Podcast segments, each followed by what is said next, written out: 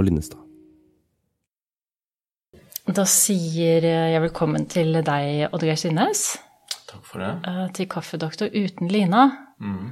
Lina er syk, og det, det var ikke noe å gjøre med det. Nei, det for var du, også fordi du reiser av gårde til Canada, så vi Ja. måtte liksom gripe fatt i deg når vi hadde muligheten. Mm. Um, Men du er her for å snakke om kreativ skriving. Mm.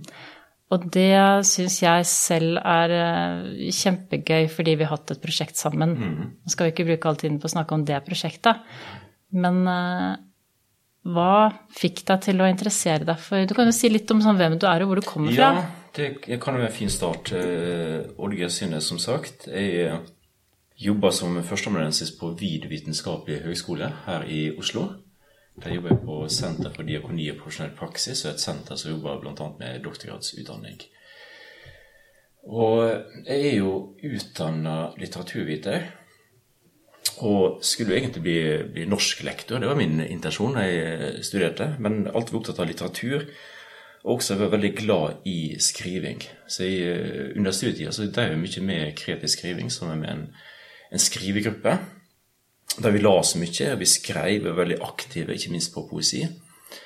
Og da jeg skulle bli gymnaslærer, så var jeg også veldig inspirert til å jobbe med kreativ skriving blant unge. Og veldig opptatt av å skrive prosesser, skrive pedagogikk osv. Men ved siden av studiene så begynte jeg å jobbe på ulike sykehjemmer. Både på Sunnmøre, der jeg kommer fra, og i Bergen. Og det jeg opplevde i det arbeidet med eldre, var at det var så utrolig mange fortellinger, eller fragment av fortellinger, på demensavdelingene. Og samtidig et, en mangel på kanskje interesse for de fortellingene. Og da jeg studerte for å bli da høgskole, nei, da jeg skulle bli gymnaslærer, så ble jeg kjent med ei da jeg pedagogikken, som heter Ragnar Odlandsvik, på Universitetet i Bergen. Hun er pedagog. Og vi begynte å snakke om at vi skulle gjort noe for eldre i en pedagogisk sammenheng. Og vi hadde begge et engasjement rundt kreativ skriving og språk. Og så las vi ei bok av den amerikanske poeten Kenneth Cock. Han hadde en fantastisk bok som heter I Never Told Anybody Teaching Poetry Writing in a Nursing Home. Og det Koch gjorde i USA på, i New York på 70-tallet, var at han gikk inn i en sykehjem, og han fikk eldre til å skrive poesi, eller han fikk det til å respondere på oppgave, og han skrev det ned, og det ble dikt som greip leser. Og vi tenkte hvorfor ikke prøve ut noe lignende i Norge, i Bergen, som jeg da bodde. Og det gjorde vi. Og sammen med flere andre så starta vi et prosjekt som vi kalte Prosjekt eldrepedagogikk. For vi tenkte at det var en Det skulle ikke være omsorg, det skulle være pedagogikk, men det skulle være en eksistensiell form for pedagogikk. Der eldre fikk mulighet til å uttrykke seg kanskje i et annet språk enn det de ellers gjorde. Det er jo litt sånn bakvendt i forhold til at man noen ganger tenker at altså, ja, men du er ved enden av livet, skal man virkelig lære noe da? Mm. Det, jo, det, var en del som sa det også. Skal jeg nå måtte sitte på skolebenken, disse stakkars, Igjen, stakkars liksom. eh, eldre? Men vi, når vi snakket om eldrepedagogikk, så var det også, også eh, muligheten til å kanskje også lære fra seg at min fortelling gjennom tilgang på et kanskje et skapende språk, så får jeg tilgang på andre sider med min fortelling som også kan ha noe å si for andre mennesker. Eh, Og i dette arbeidet så var vi inspirert av Kokk, men også inspirert av, av, eh, av den norske poeten Helge Torvund, som har sagt at poesien er et våpen mot vanen, eller vanetenkningen.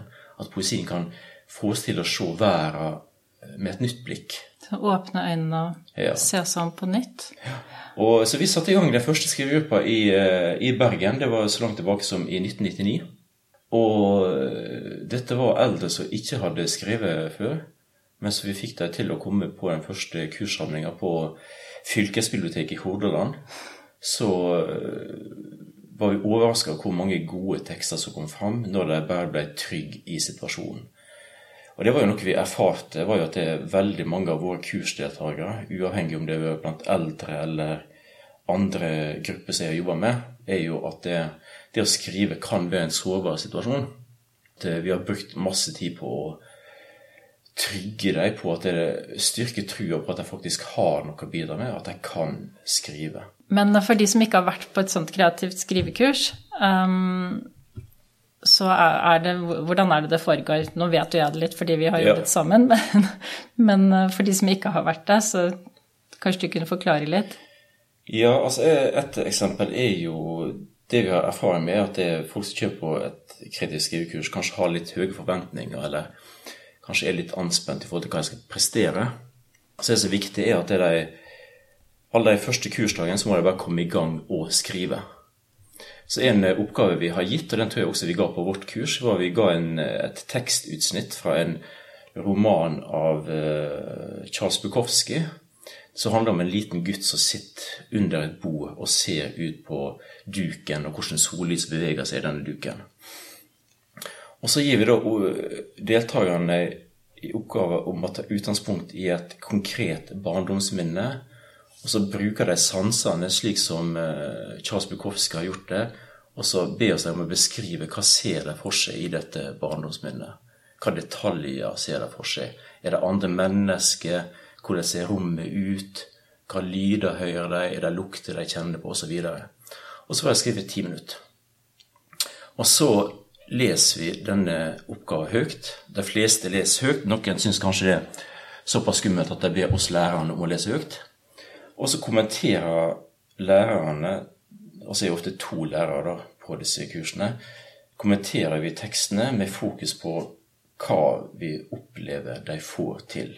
Altså vi beundrer det som er godt i hver enkelt tekst.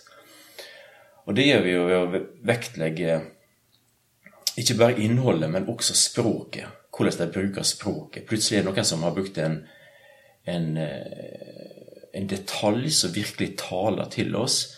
Plutselig er det noen som har eh, Jeg skrev jo om eh, fargene på flisene på bad, eh, baderommet som hun sto i da hun skrev dette. En eldre mann på 80 på et sykehjem han fortalte om en snøkledd dag ute i Øygarden som han ikke hadde tenkt på på 80 år. Og så merker vi hvordan språket griper oss. Ikke bare innholdet, men hvordan formuleringene. Slik at det ikke det ikke er likegyldig hva form en tekst har også. Og det er på den måten vi, vi lærer om kreativ skriving eller om språk, da, gjennom å beundre hverandre sine tekster. Hør hva Else fikk til i denne teksten. Mm. Hør på denne kontrasten hun har brukt her. Altså Her har hun brukt en dialog som virkelig åpner teksten, i og med at dialoger er en helt annen måte å åpne en, en verden på enn f.eks. en gjenfortelling om hva min mor sa. Og det er vel litt det pedagogiske i det. At eh, dere jobber jo for Jeg kan jo si det. Vi har, du har hatt eh, kurs for demenspasienter, og så har du hatt kurs for kreftpasienter. Ja, og jeg har hatt kurs for eh, palliative pasienter. Altså kreftpasienter som eh, er i lindrende og palliativ behandling. Ja. Og så har du hatt for pasienter med psykosesymptomer, som var det vi hadde sammen. Ja. Eh, og jeg syns jo det var veldig, veldig spennende å være med. Eh, Mye fordi uh, det er jo ikke sånn vi jobber i psykiatrien. Det må jeg si, sånn jeg beundrer litt måten, og som jeg tenker kanskje vi kan overføre til psykiatrien, måten dere greide å se alle de fine tingene i alle de tekstene som ble skrevet i alle mulige sjangre, og hvor fokuset på en måte var på teksten, og ikke på sykdom eller det som feiler deg, være seg kreft, demens, whatever. Dere har jo fokuset på det tekstuelle, og det skaper en mer sånn, hva skal man si, eh, det skaper det som et fellesskap og en type samtale som er eh, berikende på en annen måte da, enn det vi ofte fører med Ja, det, det, det tror jeg er veldig viktig. Og det var jo også en av deltakerne på eh, det kurset vi hadde sammen, som sa at han, så vedkommende sa at eh, han gikk ut av kurs og kjente, kjente seg ikke som en pasient. Mm. Og det var første gang han hadde gjort Ja, siden han Ja. eh, ble pasient. Ja. ja. Og, og det har vi også hørt eh, i, eh, i eh, blant eh, deltakere som har vært i kreftbehandling, at de, at de får et annet fokus. Det var også viktig i, i arbeid som jeg hadde blant eh, palliative pasienter. En, eh, en kvinne sa eh, du aner ikke hvor mange timer som har gått med til å konsentrere seg om skriveoppgavene, fremfor å bekymre seg For vi har jo erfart at eh, skrivinga kan fungere terapeutisk. Det er mange som sier, selv om utgangspunktet ikke er terapi, så er det mange som sier at det har fungert terapeutisk på den måten at jeg kan faktisk skrive om kreften. En av deltakerne på et kurs vi hadde for litt siden, sa jo at det, eh, jeg veit jeg skal dø, men jeg har ikke klart å snakke med familien min om det før jeg begynte å skrive om det. Men skrivingen av tekstene ble en, en åpning mot å snakke med familien om det faktum. Ja, selv om man egentlig ikke hadde sykdommen som fokus i skriveoppgaven, så ble det åpnet det for Nei, hun, hun, hadde, hun hadde det ja, hun hadde, det hadde helt klart det som et, hun, hun ønsket det. Ja. Men så har vi sett andre at men VG fungerer da terapeutisk på en annen måte. At den gir et annet fokus. Og det har vi sett blant, blant kreftpasienter. At, at møtet med skrivingen Kanskje har du sett ting Hvis du tenker bare da, som Torvund sier, at eh, poesien er et våpen mot vanen, vanetenkningen, så har de plutselig sett ting som de ikke har lagt merke til i hverdagen tidligere. Og en tekst jeg da kommer på, var jo skrevet av en, en eldre kvinne på det første skrivekurset i Bergen. Da er vi tilbake på i 1999. Eh, som handler om å møte alderdommen kanskje med et mer nysgjerrig blikk enn hun hadde hatt tidligere. Også den seine alderdommen. Og da skrev hun et dikt som handler om treet som sto utenfor eh, leiligheten hennes. Og da skrev hun at det, jeg beundret din bronsebrune krone. Altså Det var den positive dimensjonen med alderdommen. Og så skrev hun, Men så kom jo vinteren. En tydelig parallell til hennes egen situasjon. og og bladene forsvant. Men da skrev hun at det, dine nakne greiner la meg se himmelen. Å, det var nydelig. Så det er sånn også kanskje og Så poesien kan også bidra til en, en nysgjerrighet og kanskje et nytt blikk rundt, rundt det mulige. Mm. Og det er vi jo veldig opptatt av i dette, uavhengig av hva skrivegruppe vi, vi, hva gruppe vi jobber med, at det, poesien er Eh, er mer et eh, Og det poetiske språket, det skapende språket, er ikke en avbilding av virkeligheten. Det er ikke, det er ikke et bilde av virkeligheten, det er ikke et portrett, men det er et, det er et verb. Mm. Det gir noe. Det mm. skaper verden på nytt. Det gjør at vi ser ting som vi ellers ikke har sett, eller vi finner en innsikt vi ikke har hatt uh, før. Jeg syns det er interessant det du sa også om at hun, den kvinnen med kreft, da, opplever å komme i det som høres ut som en sånn flyt. mm. uh, ja. ved å øve seg eller sånn forberede seg til disse kursene. Mm. Uh, og så tenker jeg når vi er i flyt, så er det jo fordi vi holder på med noe meningsfylt ja. som vi føler vi mestrer. Uh, det er jo da det er liksom ja. morsomst å jobbe, ikke sant? Og så, tenker jeg at det er viktig at, at å for å komme i den sonen, det er det mange som har sagt, så er det noe med den forventningen også som var i gruppa at det, de opplevde jo Altså, det å dele sin eh, tekst med andre er jo sårbart. Men det krever jo også at jeg møter andre sin tekst med en, en ydmykhet, og også er åpen for deres tekster. Og vi opplevde jo det at, at deltakerne ble veldig opptatt av hverandre. Det har vi sett i alle disse gruppene, at det blir en, en form for omsorg gjennom dette skapende fellesskapet. Og, det opplevde jo vi også i vår veldig. gruppe. Ja. Mm. Og jeg tenker jo at uh, Altså, jeg har jobba dette praktisk, men jeg har også jobba forskningsmessig med dette. Doktorgraden min var jo en analyse av tekstene til disse døende kreftpasientene. Og der var jeg også inspirert av, av filosofen Rikør, som er opptatt av at uh, av, av, hva skjer når vi leser tekster. Vi leser ikke litteratur for å finne meninger som forfatteren har lagt inn, nødvendigvis. Det er ikke for å finne ut det som ligger bak teksten, som Rikør sier, men det som ligger foran teksten. Hva, sier, hva har teksten å si til meg i mitt liv her?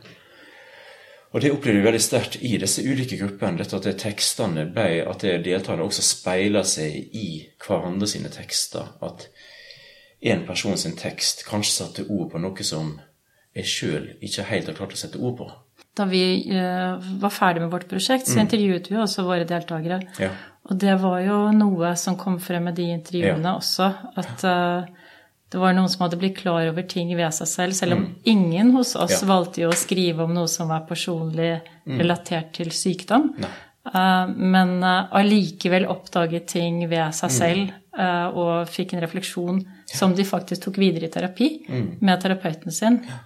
Så det åpnet en dør, da, selv om fokuset på teksten var noe helt annet. Ja. Og de skrev jo også i alle mulige sjangre. Og, Ja, de og det var jo prøve gøy. Ja, og ikke sant? det- og hvis, I den artikkelen vi skriver, så er det noe med Et av hovedfunnene våre er jo det der eh, leiken. Hvor viktig det er at vi kunne leke oss sammen. Vi skrev jo, vi skrev jo tekster sammen. Det var mye Eh, latter. Det var mye latter, og vi skrev haiku-dikt. De fikk prøve seg på det, og vi skrev eh, eh, små noveller, vi skrev dialoger. Og vi erfarte jo en, eh, en veldig sånn kreativitet i rommet.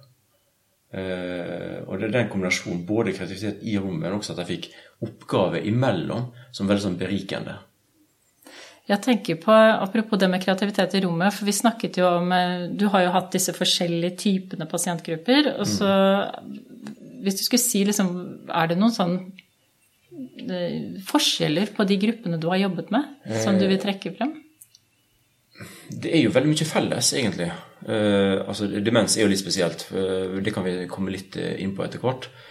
Men eh, det er jo mye felles, og det som jeg vil si er felles, er jo at det, det viser jo at det alle som kommer på en, på en sånn skrivegruppe, har evne til å skrive gode tekster. Hvis de er trygge i gruppa. Noen, noen, noen har jo skrevet en del fra før av eh, våre deltakere, men de aller fleste har ikke skrevet før. Men, men jeg syns jo at det, den gruppa eh, med unge voksne med, med, som lever med psykose, hadde en helt umiddelbar eh, kreativitet, språklig overskudd, når vi satt og skrev sammen, som var veldig imponerende. Ja, det var veldig imponerende. Vi var vel veldig overrasket alle sammen, holdt jeg på å si. Og vi, eh, og vi har jo av, og når vi har gitt disse ti minutts eh, skriveøvelsene, så har vi, vi som lærere også sittet og skrevet litt. Og da ble jeg så imponert av hva som kom fram, og tenkte det. Hm, Du var jo mye raskere enn oss til å få noe ned, og det var bra, liksom. Ja, assosiasjonsevnene var veldig, veldig spennende. Veldig mange originale bilder som kom. Så det vil jeg si at det var spesielt markant i, i den eh, gruppa. For jeg har tenkt litt på det etterpå, for det har jo vært, eh, sånn, det har vært masse forskning opp gjennom tidene på sånn Er mennesker med alvorlig psykisk lidelse har de, er de mer kreative enn andre mennesker? Og så har forskningen vist Den går i begge retninger. Ja, sier noen, nei, sier andre.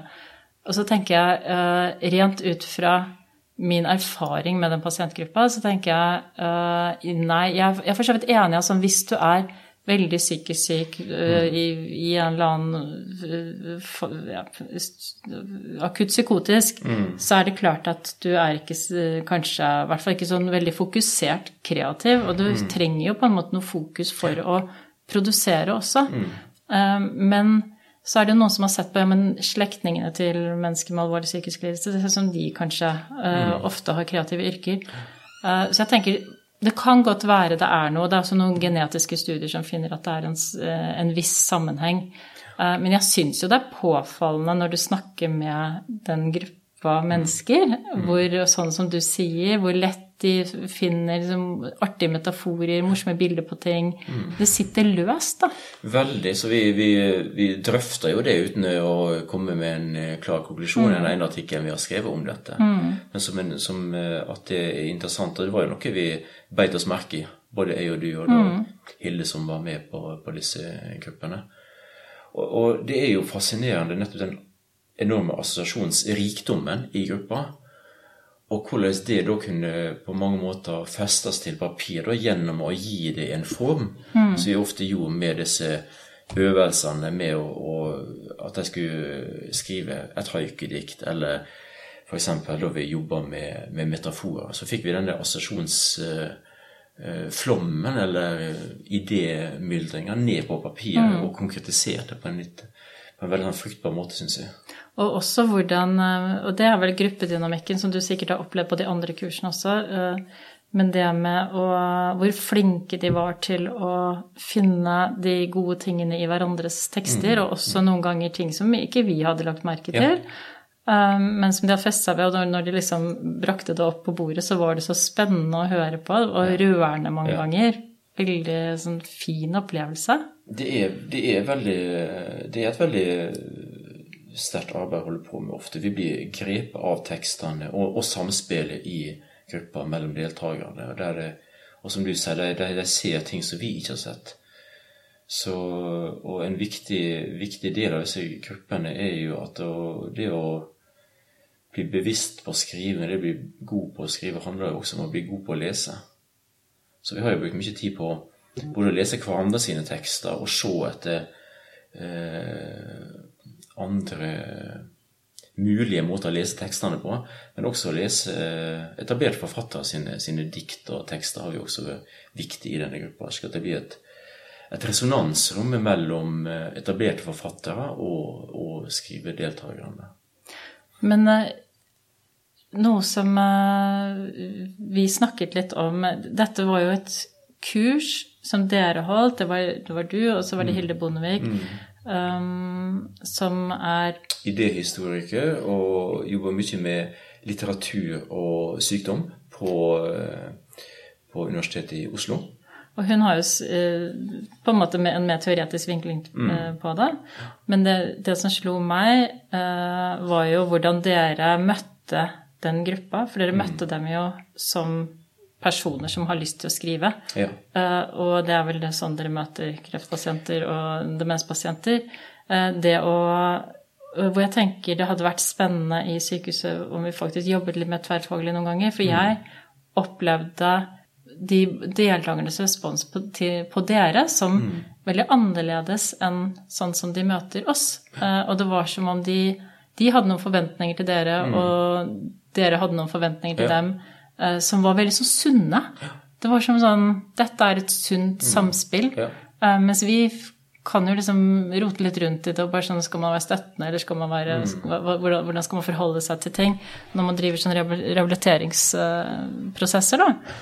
Så, og det snakket de jo mye om. De følte seg veldig sånn som, De ble møtt som helt normale mennesker, Ja. og det satte de utrolig pris på. Her føler jeg meg liksom som du ser meg som den personen jeg er. Det, det, men det er veldig fint uh, at du sier det, Kristin, at det, du opplevde det. For det er jo en intensjon at vi møtes jo på Det er ikke vi som er lærere, de som deltar. Det er et skapende fellesskap. Eh, og det har vært viktig. Det er tilbakemeldinger jeg har fått innenfor kreftomsorgen også. At vi kommer inn med en annen forventning. Vi skal ikke inn der i, i en behandlingsøyemed. Vi kommer inn og, med, et, med et annet blikk, og kanskje et blikk som ikke handler om kreft. Eller aldring, eller, eller demens, for den saks skyld. Og det handler jo litt om det med recovery, som er mm, veldig Hva skal man si? Eh, Det har kommet mer fokus på de siste årene, da. At eh, det å føle seg recovered, det å mm, liksom ha, føle at man har mening med livet, ha håp, føle seg connected med andre mennesker etc., det tror jeg kanskje det skal andre elementer det er andre elementer som skal til for å få til det hos pasientene, enn bare at vi eh, driver vanlig medisin eller psykologi eller hva vi holder på med. Og jeg tenker dette virket som et slags verktøy som man kunne bruke i den prosessen, da. Ja, jeg tenker at Det begynner å bli mer interesse for litteratur og helse, men det har ikke kommet så langt som f.eks. bruk av musikkterapi. Så jeg tenker at det, de erfaringene vi sitter med, er jo overveldende positive. Og mer tverrfaglighet, mer bruk av ulike former for kunstformer, bruk av humanistiske perspektiv inn i omsorg, er det vi, vi ønsker og vi tror på, og vi så vi gjerne må bare jobbe med å få enda mer til. Og det er, det er veldig fint at du sier musikkterapi, for jeg tenker også at dette har veldig mange av de samme elementene i seg som musikkterapi her. Samtidig så tenker jeg musikkterapi er ikke for alle, skriving er heller ikke for alle, men det at vi burde ha en vifte av eh, ulike verktøy da, i den kassen Ja. eh, når det gjelder eh, det å komme tilbake til livet og begynne å trene seg på andre ting. Og også, som jeg syns var viktig med den gruppa jeg var med i, eh, var jo det at flere sa de fikk selvtillit på å skrive. Og er det noe man trenger ute i verden, så er det vi, vi skal ikke alle sammen skrive store tekster, men en viss selvtillit på å få noe ned på papir, det har de fleste bruk for. Ja, det er det. Det har vært så gjennomgående i alle våre kurs at det, det er så mange av deltakerne som ikke har noe tro på at de kan skrive. Og så har det kommet fantastiske tekster som har blitt gitt ut i bok, som har ja, Kan ikke du fortelle litt om det, for du har med deg Ja, vi har jo gitt ut forskjellige bøker. Dette er jo Den første boka vi ga ut, heter jo 'Tonen og glaset pedagogisk arbeid med eldre og verbal kreativitet'. og Den kom ut så tidlig som i 2003. Og det er en lærebok, på en måte? Det er en lærebok i kreativ skriving blant eldre, men høydepunktet her er jo eh, en greatest hits-samling av tekster fra eldre mennesker som har vært på skrivekurs hos oss. Og så eh, har jeg da hatt også et arbeid med eh, dikt og demens, har vi kalt det. Eh, og kan eldre, eller kan personer med demens skrive poesi? Ja, Det er et godt spørsmål, for det, det jo, ville ikke jeg i utgangspunktet tenkt nei, var en god og, kombo. Og, og, det er nok eh, De færreste av de er jo i stand til å skrive sjøl. Men eh, det vi har sagt, det er at det, men, men, men hva skjer hvis vi lytter til hverdagsspråket til personer med demens? Hva skjer hvis vi virkelig setter oss ned og lytter og tenker at det Kanskje handler ikke dette så mye om fortellinger som av og til bryter sammen, eller usammenhengende ting, men kanskje handler det om en annen forståelse av hva språk er. Og eh, i dette arbeidet så jeg jobber sammen med forskere i, på Høgskolen i Molde og en poet som heter Arne Ruseth. Så leder jeg diktskrivingsgruppe, eh, eller fortellergruppe, med tre-fire personer med demens. Vi møttes, og så satt vi rundt bordet og vi snakket om forskjellige ting. Og jeg tok samtalene opp på lydbånd. Og vi snakket om En gang så las vi et dikt av vi las diktet 'Det er den draumen' av Olav Hauge. Og vi snakket om ja, hva, hva drømmer dere om i dag? Hva drømte dere om når dere var ung? Av og til er det noen som plutselig bare ser ut vinduet og ser noe og kommer med en kommentar som vi da spinner videre på. Av og til har jeg hatt med et bilde, og så snakker vi rett og slett sammen. Og av og til lager jeg spontant et dikt basert på det noen har sagt. For ofte er det en, en setning som vi kan uh, sette sammen med en setning av en annen deltaker, og det blir faktisk poesi ut av det. Men det meste som har blitt, uh, av poesien som har blitt skapt, er rett og slett at umiddelbart etter denne timen vi har vært sammen, så har jeg transkribert samtalen og satte meg ned sammen med Arne Ruseth, som er poet, og så har vi funnet poesi i samtalene med de eldre kursdeltakerne. Og vi har blitt slått over hvor mange tekster En gang fant vi 17 dikt i en times samtale. Ofte tekster som vi ikke la merke til i i samtalene når vi er så opptatt av å holde samtalen i gang. Mm. Så det var det formuleringer som du ellers ikke la merke til. Og det vi, det vi gjør i dette arbeidet Vi har jo vært inspirert av en annen, en britisk poet som heter John Killick, som jobber mye med demens og poesi. Og han sier jo at språket til personer med demens er kanskje mer poetisk enn det er narrativt. Det, det er poesien som er nærmest språket til personer med demens. Så, og vi er vært inspirert av Killick på den måten at vi har aldri lov å legge til. Da, vi gjør, men vi har lov å kanskje trekke ut en og annen setning. Mm. Og så ser vi at, eh, at språk er fullt av poetiske formuleringer. Og eh, vi syns jo at eh, tekstene var så gode, så jeg tok med meg tekstene tilbake til deltakerne. Las dem høyt for dem neste dagen etterpå. Og det som skjedde, var jo at flere av deltakerne ble så grepet av tekstene at, at, at tårene kom. Andre lo godt når jeg hørte tekstene. Og alle kjente igjen sine egne tekster. For jeg sa at ja, men det er jo, det er jo eh, våre tekster. Dette er jo, dette er jo mine ord. Men, men, du har gjort et eller annet med det. Det er jo det er så, det er så flott. Og jeg, jeg skriver, et, jeg skriver et, et bokkapittel om dette, og da, da har jeg funnet et sitat av en engelsk, nei, amerikansk lyriker som heter Wallace Stevens, og han sier at poesien er is a tune beyond us, yet ourselves. Poesien er en tone bortenfor oss, men allikevel oss sjøl. Og Det tror jeg det vi opplevde i dette her, at det, tekstene var ja, men Det er jo min tekst, men mm. det er noe med forma som har gjort at det har blitt løfta opp og gjort, gjort teksten eh, minneverdig. Mm. Og det, det, tror jeg egentlig er det som skjer i, i grupper med, i psykosegrupper og kreftpasienter også. At det, det blir gitt en form, sier at der, der egne tekster blir løfta, og så gir inntrykk på både deg og, og, på oss. Kanskje handler det også om at man da ser seg selv litt utenfra. Man kan se en verdi ved seg selv ja. som man ikke egentlig hadde fått øye på. Ja, det, at den blir veldig tydelig. Det er godt sagt. Det tror jeg er mye av det som, av det som, som skjer her. og og en entusiasme over disse tekstene. Og vi, vi syns at det, tekstene i dette dikt- og demensprosjektet var så gode at det Er det noe du de, kan lese? Jeg skal straks lese. lese at jeg må, at jeg må fortjene et større publikum. Og dette skjedde i Molde. Eh, Molde har jo den internasjonale litteraturfestivalen Bjørnsonfestivalen, som er opptatt av ytringsfrihet og marginaliserte stemmer. Så vi tenkte at det, dette er jo perfekt for Bjørnsonfestivalen, og det var Bjørnsonfestivalen enig i. Så under Bjørnsonfestivalen i 2018 så lanserte vi disse tekstene for et fullsatt publikum.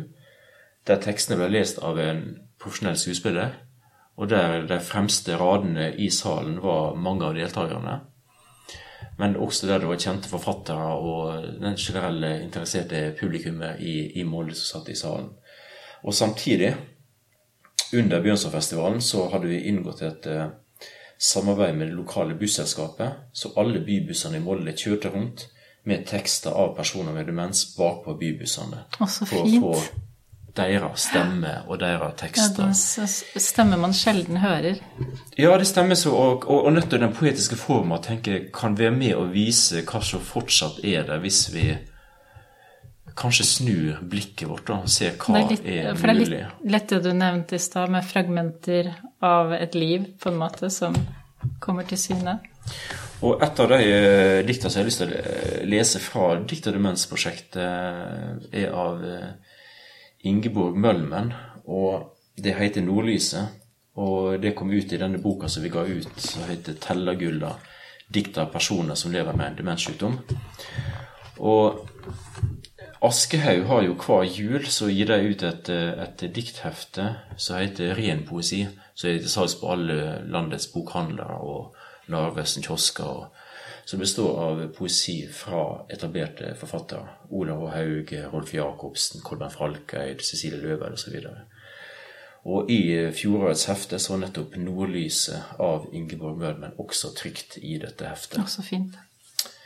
Og det er slik. Nordlyset. Husker en kveld jeg kjørte hjem fra Narvik. Jeg kom til broa, og der. Jeg stoppet bilen og gikk ut. Det var akkurat som nordlyset ordnet noe inni meg. Jeg kom ikke hjem før det ble natt. Det er veldig vakkert. Ja, det er jo den formuleringen. Det var akkurat som nordlyset ordnet noe inni meg. Og det er jo så mange eksempler på sånne formuleringer som plutselig er det, som vi trenger å gripe, gripe fatt i. Og, så, du får deg liksom også til å stoppe opp, men det er kanskje det som er så fint med dikt og poesi, at du man liksom stopper opp. Du er nødt til å stoppe opp og tenke litt. Eh, I motsetning til liksom alt som skjer ellers i livet. Du kan liksom ikke bare rase forbi poesi. Nei. Det er Så dette arbeidet Og det, det tenker jeg også er noe eh, meningsfullt med skriving. Da. Det er en måte å, å feste på papiret noen eh, erfaringer, eller å finne noen erfaringer og gi det form på papir som, som, også blir stående, som vi kan ta fram og lese. Jeg tenker at det er mange av, mange av deltakerne i mine skrivegrupper er jo nå vekke, men tekstene er jo her og kan fortsatt uh, leses og, og, si oss noe. Og det har vi jo sett det opplever vi jo veldig sterkt på, på flere av, eh, blant flere av deltakerne på i det arbeidet med alvorlig syke og døende kreftpasienter, der eh, tekstene også ble brukt i minnestunder, ble brukt i, i begravelsen. Mm. Har dere hatt noe kontakt med pårørende? Tar de kontakt noen ganger, eller snakket med dem i ja, forbindelse med dette? Jeg har hatt uh, Vi har hatt flere eksempel eh, på, på det, der de har sagt at, at tekstene ble viktige i etterkant. Eh, og, og, også kanskje i den siste, den siste, siste fasen også. For det vil jeg tenke personlig, at liksom, uh, det, er, en tid som er så tung. Uh, hvis, er, hvis, du vet det går mot slutten, på en måte, og det er ikke noe å gjøre. Og det å kunne se at den du er glad i, som har det vondt, har liksom perioder hvor de kan hvile tankene mm. sine, være et annet sted, en annen verden, faktisk mm. lære noe nytt. Uh, på en måte være mer seg selv igjen. Ja, altså jeg, jeg, har, altså blitt, ja, jeg har blitt slått av hvor, hvor mye en, en, liten, enkel tekst kan bety i en sånn situasjon. da. Nettopp kanskje at den kan si noe om hvem jeg var, og hvem jeg fortsatt er, og kanskje en åpning mot, mot noe annet. Det, så er det vel ganske mange som er døende, som syns det er veldig vanskelig å snakke med andre om det at de er døende. Eller det å finne språk i det hele tatt for det som skjer, ja, og, er vanskelig. Og, og, kanskje det er godt å kunne snakke om andre ting. Ja. Jeg opplevde jo på, på i, Da jeg gjorde med, med døende kreftpasienter, så var, var, det to ulike grupper. Den ene gruppa var de som var på dagavdeling. Det vil si at de eh, var ikke blitt så syke, så de hadde en hverdag. Og de var veldig opptatt av å snakke hegne om hverdagen, finne en hverdag der sykdommen ikke var altoppslukende. Mens de som var, lå på sengeposten, de var så nær døden at det å snakke om hverdagen, der hadde hverdagen på mange måter forsvunnet. Så eh, jeg husker jeg snakket med en eldre kar som syntes det var så meningsfullt å få snakke om de, de lette, de nostalgiske barndomsminnene. Han sa til meg at det, disse fortellingene gir meg muligheten til å se i en motsatt retning enn der jeg er på vei. Ja. Og det, det, var viktig for ham. Ofte, for det er jo helt poetisk sagt. Ja, det er veldig, det er veldig, veldig vakkert sagt. Det som et altså. dikt i seg selv. Og, han, eh, og, og, dette var jo enkle, enkle, tekster, og det, jeg har skrevet en artikkel om det viktigheten av nostalgi, disse lette fortellingene som kanskje har blitt underkjent i forskningen. For jeg, kritiske stemmer kanskje, kanskje sier at eh, nostalgi handler om en skjønnmaling av, av fortida. Du husker bare alt, som var fint, ikke sant? og at det var alltid snø om vinteren da vi vokste opp. ikke sant? Og kritikeren kan da si at ja, men det var ikke sånn det egentlig var. Men nostalgi handler jo mer om, om nåtida. Vi er nostalgiske når vi har behov for det. Når nåtida er vanskelig, så er, har vi et behov for kanskje å hegne om de positive minnene som faktisk kan sette oss i Jeg tenker det er en sånn ryggmargsrefleks. Jeg tenker ja. det er en overlevelsesinstinkt. Ja. Og det er noe veldig vakkert i, i, i disse minnene som, er, som, som kan virke trøstende. da.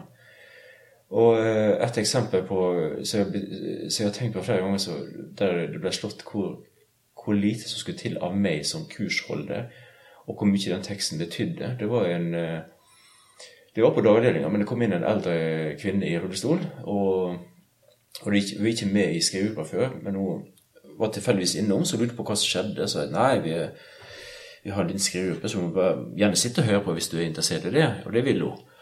Og på slutten så spurte jeg jo at en av de oppgavene vi har gitt, er hvis du kunne reise tilbake til ett sted du har vært i livet ditt, hvor vil du reise? Og da sa hun åh, jeg vet nøyaktig hvor jeg skal reise. Jeg skal reise til landstedet vårt borte på Østlandet.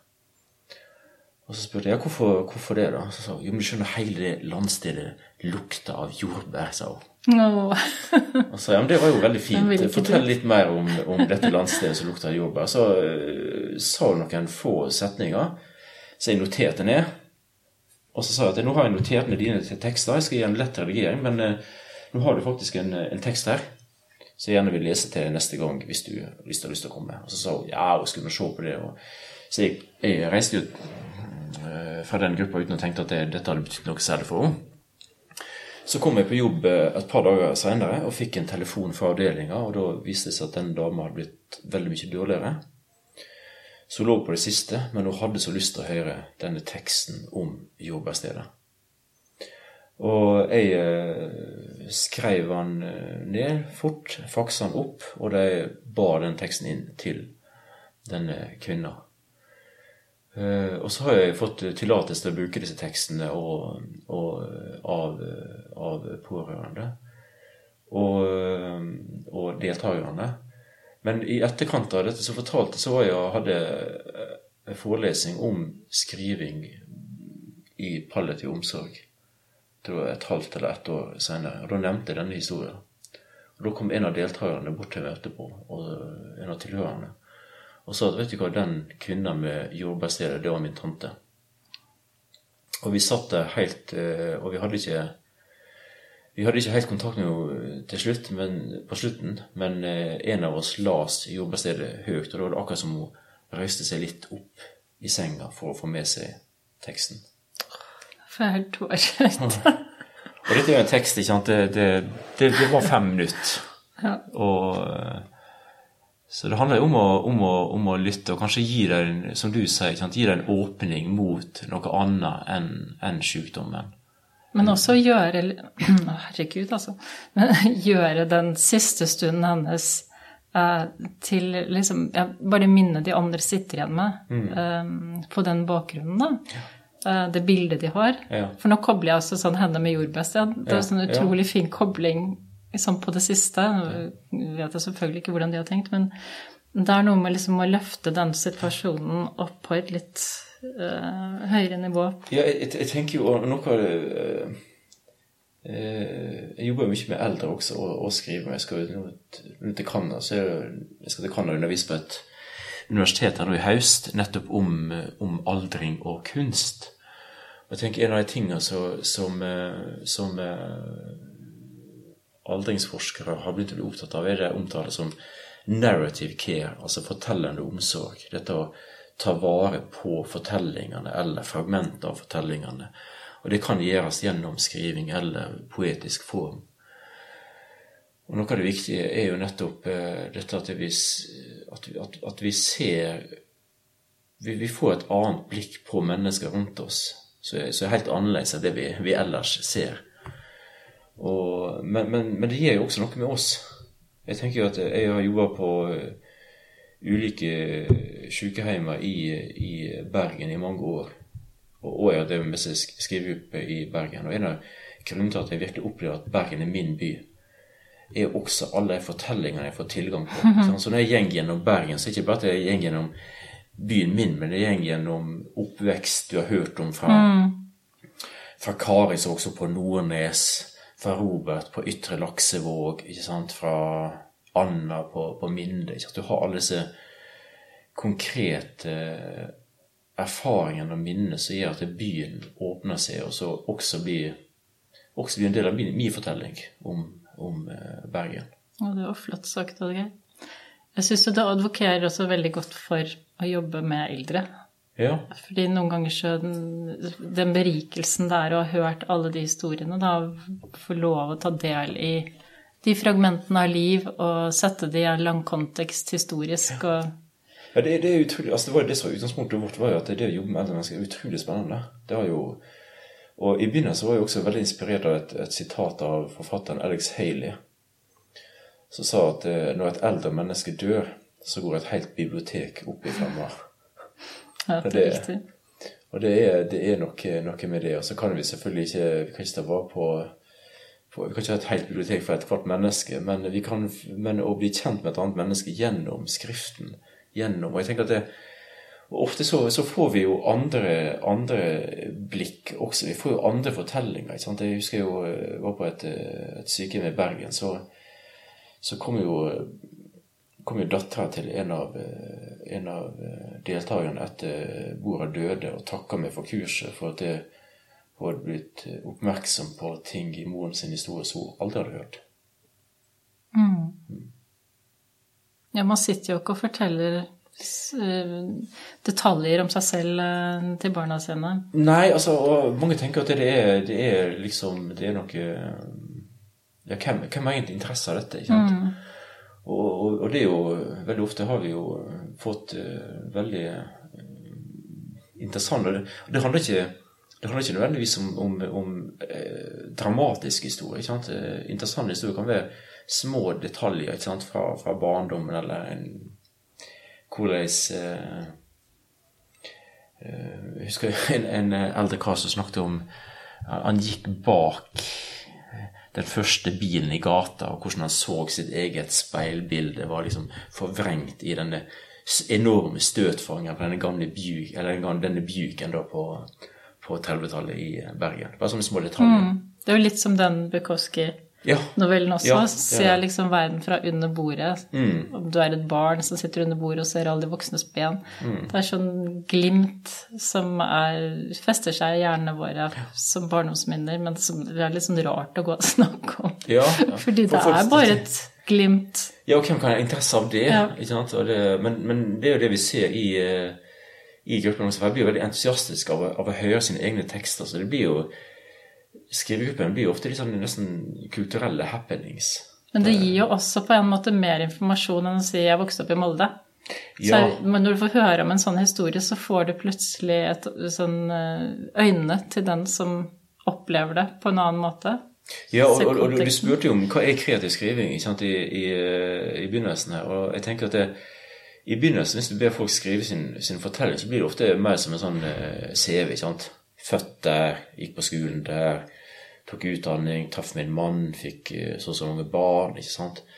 Mens i stedet for å høre om det, så er det liksom Ok, fortell om en, en dag i barndommen som du ikke kan glemme. ikke sant? Mm. og så det å, å gå inn i, i og, og, ikke, ikke minst gå inn i det beskri, og, og beskrive i detaljer, ikke sant? i stedet for fortelle at min beste øh, far var, var snill. sant? Men hva, hva består det av? ikke sant? Hva var det han gjorde? Hvordan så han ut? Eh, Hvor var du sammen med din bestefar? Det er veldig spennende, Geir. Jeg tenker vi må snart avslutte. Ja. Og så Hvis jeg blir syk, så vil jeg på skrivekurs hos deg. ja, det Hva skal jeg si til det? Vi får håpe du ikke blir, blir. Jeg håper jeg ikke blir syk. Men Men det hadde vært veldig hyggelig å være sammen på, i en skrivesammenheng. ja. Jeg tenker dette her er noe som egentlig alle burde ha tilbudt deg med, da. Eh, Selv om helsevesenet er litt eh, tømt for ressurser, så tenker jeg det er noe med eh, Det er, det er ikke så, det er ikke så vi, vi tenker jo at ja, vi burde hatt flere, flere folk med litteraturbakgrunn. Flere forfattere inn. Flere folk som er engasjert i, i skriving. Altså, du, Vi nevnte musikk, ikke sant? billedkunst. Jeg har jo også vært opptatt av billedkunst i demensomsorgen, som er veldig spennende.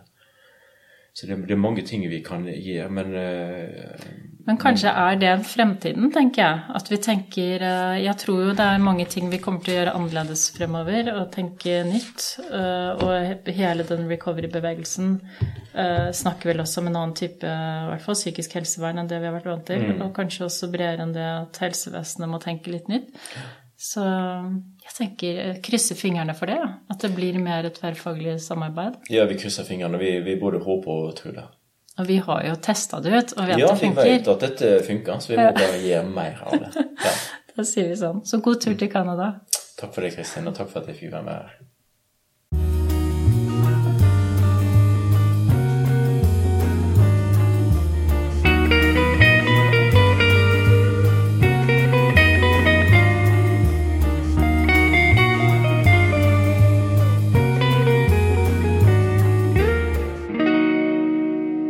Kaffedoktor med Rom og Linnestad.